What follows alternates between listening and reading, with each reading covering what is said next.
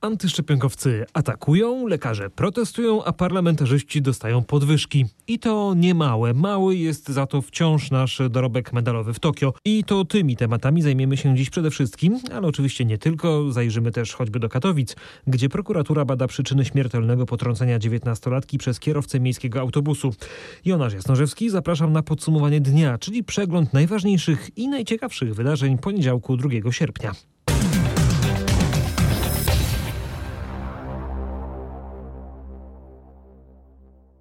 To był akt terroru wymierzony w polskie państwo, w nasze wspólne bezpieczeństwo i odporność zbiorową przed czwartą falą pandemii. Mówił w Zamościu minister zdrowia Adam Niedzielski. To właśnie tam ktoś w nocy podpalił siedzibę sanepidu i mobilny punkt szczepień. Rzecznik prasowy komendanta wojewódzkiego policji w Lublinie, komendant Andrzej Fiołek, poinformował, że do pożarów doszło w nocy z niedzieli na poniedziałek. Najpierw ogień pojawił się w mobilnym punkcie szczepień ustawionym na rynku solnym Zamościu, a potem w budynku powiatowej stacji sanitarno-epidemiologicznej przy ulicy Peowiaków. Lubelska policja opublikowała nagranie z monitoringu, na którym widać sprawcę podpalenia, a nasz reporter Michał Dobrowicz powie nam więcej na temat y, podpalacza. To prawdopodobnie młody mężczyzna, który w nocy poza mościu poruszał się na rowerze. Właśnie jego, tego mężczyzny, szukają teraz policjanci. Po pożarze punkt mobilny na rynku solnym w tym mieście jest mocno uszkodzony i nie nadaje się wyprowadzić tam teraz szczepienia. Z kolei w budynku sanepidu wybita jest szyba, przez którą ktoś w nocy wlał łatwopalną substancję. To bandycki akt, komentował dziś premier Mateusz Morawiecki. Takie wydarzenia niestety się powtarzają. Dlatego wszystkie one będą z jednej strony bardzo surowo karane, ale będziemy prowadzili również działania mające zwiększyć bezpieczeństwo wszystkich tego typu punktów, bo te punkty wykonują bardzo dobrą robotę dla Polski. Minister zdrowia Adam Niedzielski zapowiedział specjalne działania przeciwko antyszczepionkowcom, o czym informuje nasz reporter Grzegorz Chwolek. Wszyscy pracownicy punktów szczepień mają być objęci specjalną ochroną prawną, która obecnie przysługuje m.in. policjantom i nauczycielom i która będzie oznaczać dodatkową odpowiedzialność karną za wszelkie groźby i ataki na szczepiących. Minister zdrowia wyznaczył też własną nagrodę w wysokości 10 tysięcy złotych za wskazanie sprawców podpalenia. Tematem walki z antyszczepionkowcami ma zająć się jutrzejsza Rada Ministrów, bo jak podkreśla Niedzielski, to temat zakresu działania wielu resortów. Przypomnijmy, że to nie pierwszy atak na punkt szczepień w ostatnim czasie. Tydzień temu antyszczepionkowcy zaatakowali punkt szczepień w Grodzisku Mazowieckim, a w sobotę na bulwarze w Gdyni grupa osób otoczyła szczepionkobus. Policja zapowiada skierowanie co najmniej 15 wniosków do sądu w sprawie nielegalnego zgromadzenia antyszczepionkowców w Gdyni. Natomiast szef klubu Lewicy Krzysztof Gawkowski, który był dziś gościem Mariusza Piekarskiego w rozmowie w samo południe w RMFFM, obwinia rząd o ośmielanie przeciwników szczepień do aktów wandalizmu.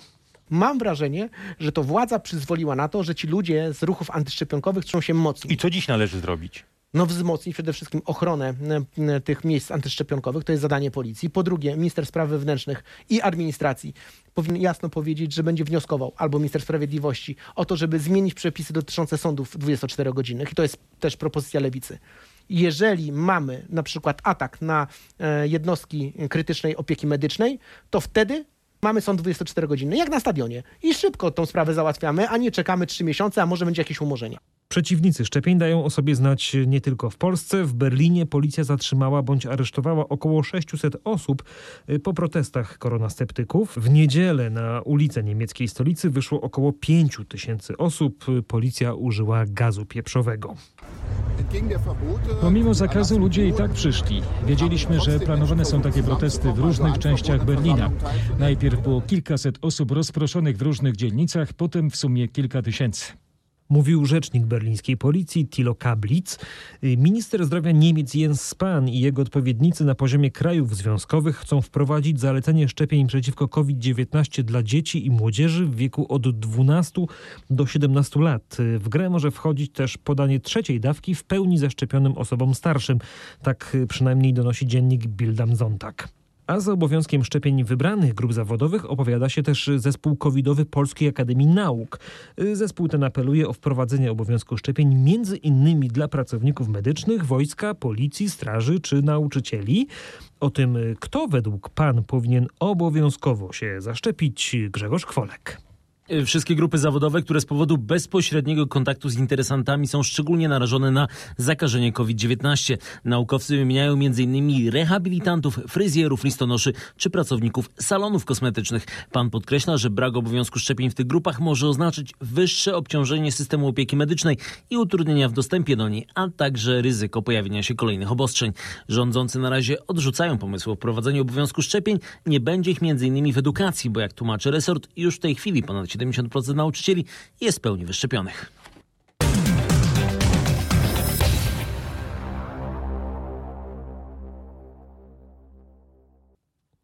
O tym, że posłowie, senatorowie czy wiceministrowie zarobią więcej, to już wiemy od wczoraj, ale dziś pojawił się kolejny projekt ustawy, który zwiększa zarobki prezydenta tym razem i samorządowców.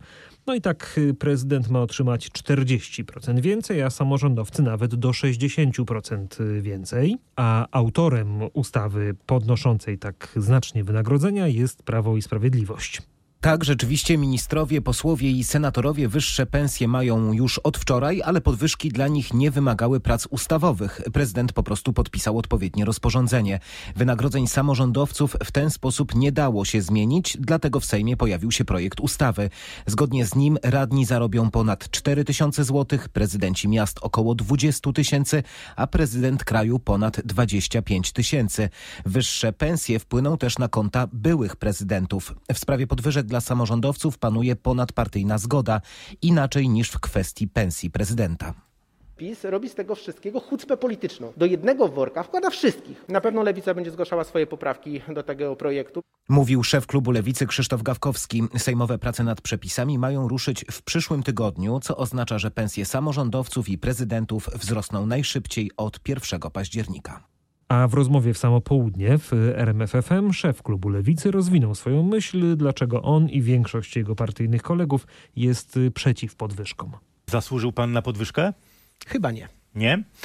Dlatego że uważam, że to nie jest ten czas, w którym powinniśmy jako posłowie czy senatorowie dostawać większe wynagrodzenia, bo mamy pandemię i warto o tym pamiętać. Ta pandemia w 2021 roku wcale się nie skończyła. Wynagrodzenia posłów i senatorów e, są godne. Ja nie twierdzę, że e, budżetówka, w tym posłowie, parlamentarzyści, samorządowcy nie powinni dostawać. Ale od kogo powinniśmy zacząć?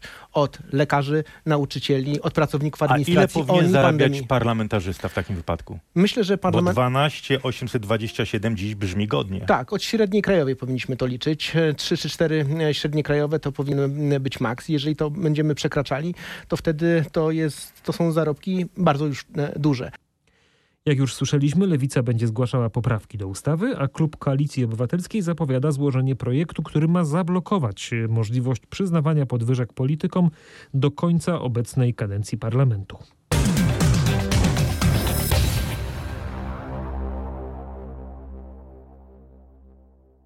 Zostajemy w temacie pieniędzy i podwyżek, ale tym razem dla medyków i na ochronę zdrowia. Obradujący dziś Komitet Protestacyjno-Strajkowy Pracowników Ochrony Zdrowia przedstawił swoje postulaty. Medycy chcą podwyżek i wzrostu wydatków na ochronę zdrowia do poziomu 8% PKB. Czego jeszcze się domagają, to wie Michał Dobrołowicz jak najszybszego spotkania z premierem Mateuszem Morawieckim. Przed chwilą zapytałem tu wiceprzewodniczącą Ogólnopolskiego Związku Zawodowego Lekarzy, Grażynę Cebulę-Kupat, co dokładnie chciałaby powiedzieć premierowi. Chcielibyśmy powiedzieć panu premierowi, że najwyższy czas, żeby wreszcie zaczął rozmawiać z wszystkimi zawodami medycznymi. Jesteśmy wszyscy tutaj, razem mówimy jednym głosem, ponieważ widzimy, co się dzieje w polskich szpitalach. Na przykład są przychodnie jednoosobowe, umrze lekarz, no i co? I zamknięta przychodnia.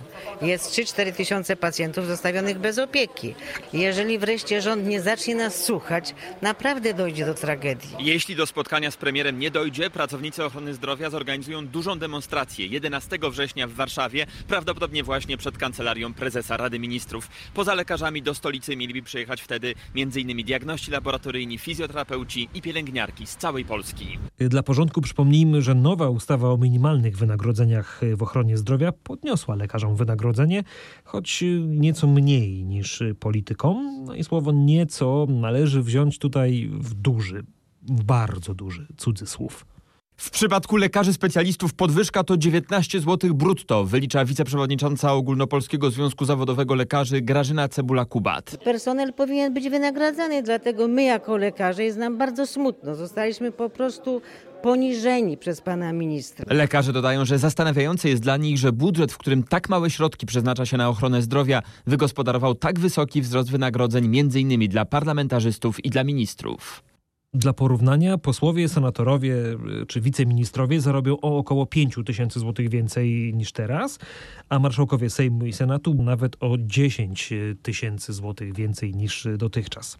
Żądania, choć niefinansowe, mają też okuliści. Po wprowadzeniu przez resort Adama Niedzielskiego programów lekowych na zwyrodnienie plamki żółtej, zniesienie limitów porad czy operacji zaćmy, zapomniano o skierowaniach. To niepotrzebnie opóźnia drogę do specjalistycznego leczenia, zwraca uwagę profesor Robert Rejdak, szef lubelskiej kliniki okulistyki Szpitala Klinicznego nr 1 w rozmowie z naszym reporterem Krzysztofem Kotem.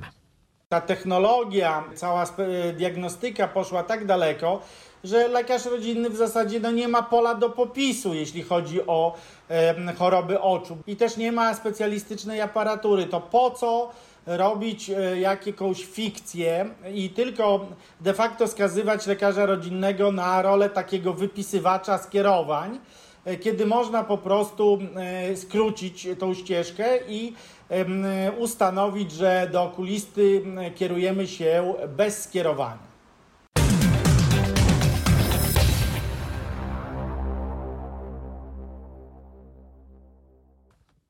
A my bez skierowania kierujemy się w stronę krajowej polityki.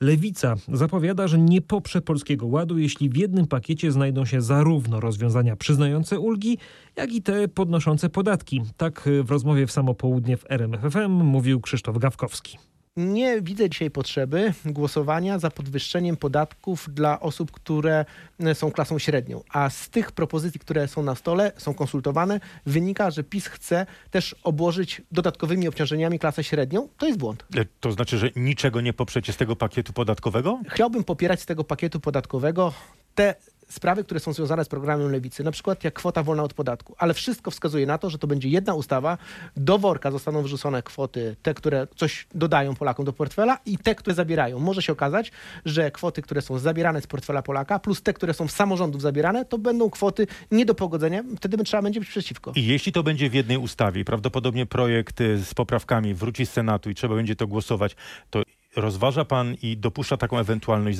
że zagłosujecie przeciwko podwyższeniu e, kwoty wolnej do 30 tysięcy, podwyższeniu progu podatkowego do 120 tysięcy i zdjęcia e, opodatkowania z większości emerytów? Jeżeli będą w tej samej ustawie szły dodatkowe obciążenia, takie jak na przykład wyższa składka e, zdrowotna, jeżeli okaże się, że inne grupy, na przykład seniorzy, mogą stracić 300 zł, bo z naszych liczeń wynika, że nawet do 300 zł seniorzy mogą stracić i będzie też obciążenie dla klasy średniej, to wtedy lewica nigdy nie poprze zmian, które e, zwiększają podatki dla najuboższych albo dla klasy średniej.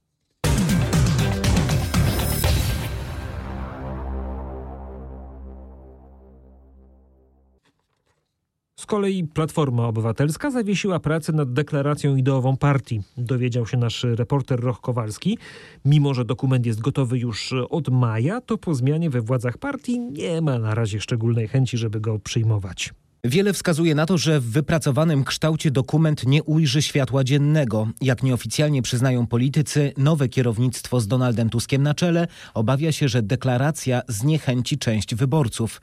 W swoim brzmieniu dokument miał być bardziej progresywny, a politycy zapisali w nim stanowisko dotyczące m.in. rozdziału Kościoła od państwa, aborcji i związków partnerskich. Nad deklaracją przez kilka miesięcy pracowało w sumie około tysiąca działaczy Platformy. Tuskowi ma zależeć na tym, by partia pozyskiwała zyskiwała jak największe grono nowych sympatyków, a jak mówił mi nieoficjalnie jeden z posłów, każda twarda deklaracja będzie ten cel utrudniać. PO ma wrócić do dyskusji nad deklaracją przedplanowaną na jesień konwencją, ale możliwe, że stanie się ona jedynie elementem innych dokumentów, które zaproponuje nowe kierownictwo partii.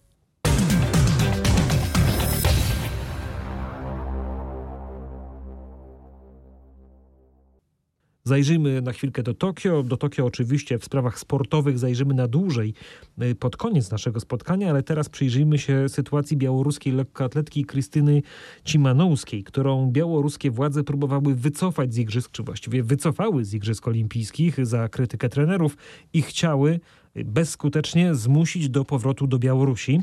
Sportsmenka dziś otrzymała wizę humanitarną, jest pod opieką polskiej ambasady w Tokio. W kraju natomiast zostali rodzice lekkoatletki i o tym Paweł Balinowski.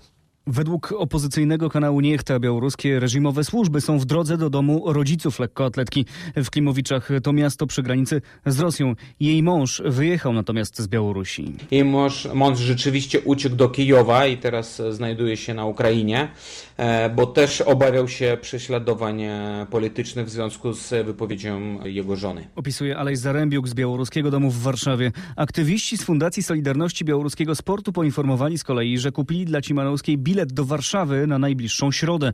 Wcześniej lekkoatletka odmówiła wejścia na pokład samolotu do Mińska. Dostała ochronę japońskiej policji. Dziś przyjechała do polskiej ambasady w Tokio. Polska i Japonia pomogły Krystynie Simanowskiej uniknąć upokorzenia, które chcia, na które chciał skazać ją białoruski rząd. Skomentowała sytuację amerykańska ambasador w Mińsku.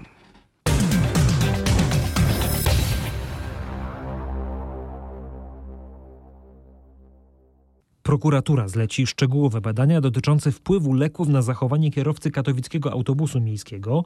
Łukasz T. jest podejrzany o zabójstwo 19-latki i usiłowanie zabójstwa dwóch innych osób.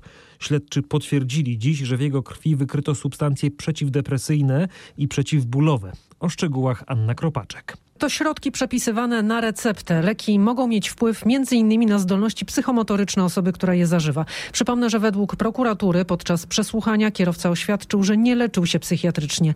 Na razie nie wiadomo, jak długo zażywał wspomniane środki przeciwdepresyjne i przeciwbólowe. Nie wiadomo też, na ile obecność tych substancji mogła mieć wpływ na jego zachowanie i to właśnie będzie przedmiotem dalszych badań.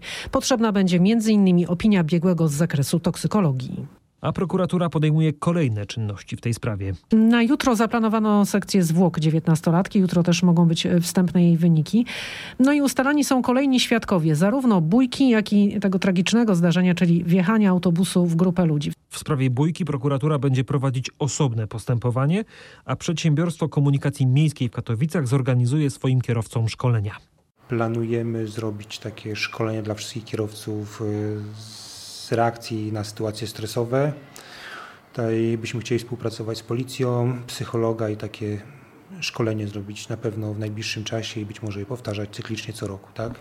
To jest skutek tej sytuacji? Tak, to jest skutek tej sytuacji. Kiedy przechodził badania typowe dla kierowcy? W zeszłym roku, tak jak mówię, w zeszłym roku jakby wrócił do nas do pracy, więc oczywiście musiał mieć e, wszystkie badania zrobione, miał zrobione psychotesty, które przeszedł.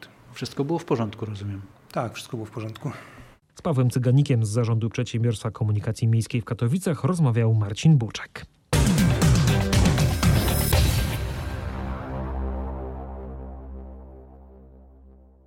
Przenieśmy się na chwilę za ocean. W Stanach Zjednoczonych republikanie nie wierzą, że źródłem COVID-19 był targ Wuhan. Wzywają demokratów do ponadpartyjnego śledztwa w sprawie wybuchu pandemii.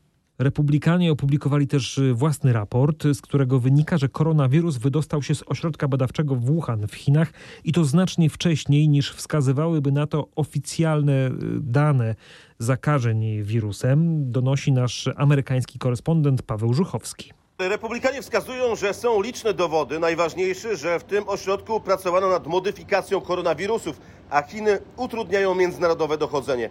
W tym raporcie republikanie napisali, że czas odrzucić teorię, że źródłem pochodzenia koronawirusa jest targ w tym mieście. Co więcej, republikanie sugerują, że wirus wydostał się z laboratorium w pierwszej połowie września 2019 roku i powoli się rozprzestrzeniał, a Chiny nie informowały o tym. Republikanie chcą dużego śledztwa dwupartyjnego z ujawnieniem także informacji, które posiadają służby wywiadowcze.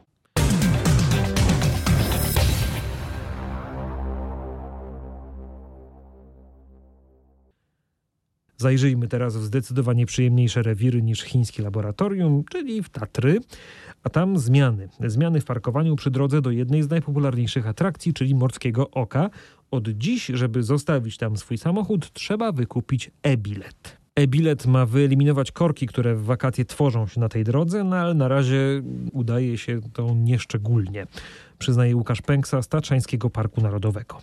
Niestety tacy się zdarzają, którzy przyjeżdżają właśnie bez biletów. No, udzielamy tutaj właśnie informacji, mamy przygotowane ulotki o parkingach alternatywnych, o możliwości, jak, w jaki sposób wykupić ten bilet, także prowadzimy też taką akcję informacyjną i będziemy ją prowadzić przez cały sierpień dla turystów. Z 15 minut staliśmy. W ogóle nie, nie byliśmy poinformowani, że są te e-bilety i dopiero tu na miejscu się dowiedzieliśmy. Jakby była jakaś wcześniej informacja, Myślę, żeby takich korków nie było. Kupiliśmy e-bilet, ale okazało się, że na inny parking to jest. Było ogłoszenie, że Morskie Oko, ale niestety musimy jechać gdzie indziej na parking.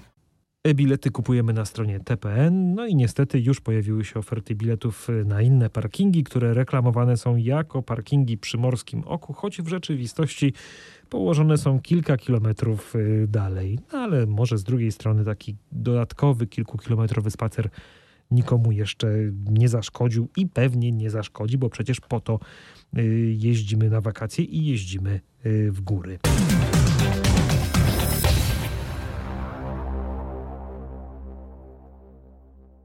To teraz opuszczamy Tatry i zgodnie z obietnicą wędrujemy do Tokio już z powodów czysto sportowych, choć zbyt wielu dobrych wieści nie mam. Tadeusz Michalik przegrał olimpijski półfinał w zapasach w stylu klasycznym w kategorii 97 kg. Lepszy od niego był reprezentant rosyjskiego Komitetu Olimpijskiego Musa Jewłojew. Na miejscu ten pojedynek obserwował nasz specjalny wysłannik na igrzyska Patryk Serwański. Niestety za nami dosyć jednostronny pojedynek. Tadeusz Michalik nie miał e, jakoś e, podejścia do Musy Jewłojewa. Rosjanin pokazał, że to jego doświadczenie tytułu mistrza świata to wszystko nie był przypadek. Silnie zbudowany rosyjski zapaśnik dosyć szybko wypracował sobie punktową e, przewagę. Polak w końcówce próbował, szukał jakiejś możliwości odrobienia strat, ale trzeba przyznać, że nie bardzo miał pomysł na to, jak dobrać się do Rosjanina. Nie pozostaje nic innego, jak jutro trzymać kciuki za naszego zapaśnika w walce o brązowy medal. Niestety awansu do finału biegu na 400 metrów przez płotki nie uzyskała też Joanna Linkiewicz. No deszcz nie pomógł, to na pewno. To już było widać gdzieś tam po pierwszej serii, że te wyniki są gorsze. Ja się tylko modliłam, żeby nie popełnić błędu z wyjścia z bloków, bo zobaczyłam pierwszą serię i mówię, o, musi być ślisko i rzeczywiście było ślisko. Mówiła Linkiewicz, noga powinęła się, choć rzecz jasna nie z powodu śliskiej nawierzchni, Także naszym siatkarzom plażowym Grzegorz Fijałek i Michał Bryl przegrali z Włochami Paolo Nicolai i Daniele Lupo. No i skutkiem tego odpadli w jednej ósmej finału. Za to do finału, i tutaj będą troszeczkę lepsze informacje, do finału rzutu młotem awansowali Wojciech Nowicki i Paweł Fajdek, a jutro finał tej dyscypliny, tylko że Y, w konkurencji kobiet y, i zobaczymy w nim Joannę Fiodorow, Malwinę Kopron i Anitę Włodarczyk. Z kolei nasze kolarki torowe Urszula Łoś i Marlena Karwacka zajęły siódme miejsce w sprincie drużynowym, y, a w tym wyścigu o siódme miejsce pokonały Ukrainki. Złoty medal powędrował do Chin, a kolejne miejsca zajęły Niemki oraz reprezentantki Rosyjskiego Komitetu Olimpijskiego. Biegnący w eliminacjach sztafety mieszanej 4x400 metrów Dariusz Kowaluk, Iga Baumgart-Witan oraz Małgorzata Hołub-Kowalik odebrali złote medale olimpijskie za sobotni triumf Polski w Tokio. Za to srebrnym medalem pochwaliła się dziś w swoim klubie AWF Warszawa Agnieszka Kobus-Zawojska, wicemistrzyni olimpijska z Tokio w wioślarskiej czwórce podwójnej. Ten medal waży więcej niż brąz z Rio de Janeiro, mówiła sportsmenka. Zdecydowanie był większy bagaż doświadczeń. To był jeden z cięższych sezonów w moim życiu i myślę, że dlatego to smakuje lepiej, bo wiem, jakie przeszkody, że tak powiem, przeskoczyłam. My jadąc do Tokio chciałyśmy walczyć o złoto, choć to srebro jest dla mnie jak złoto, bo Chinki były po prostu poza e, naszym zasięgiem. Tak mówiła Kobus za wojska, która nie chce jeszcze deklarować, czy wystartuje na kolejnych igrzyskach w Paryżu. Na razie myśli o odpoczynku, ale dodała też, że chciałaby wrócić na swoją uczelnię i tam rozpocząć studia doktoranckie a z naszą wicemistrzynią olimpijską rozmawiał Paweł Pawłowski. No to i my pomyślmy powoli o odpoczynku. To wszystko, co przygotowałem dla Państwa na dziś w podsumowaniu dnia w RMFFM. Dziękuję pięknie za uwagę. Kłaniam się nisko. Jonasz Jasnorzewski. Do usłyszenia. Dobrego wieczoru.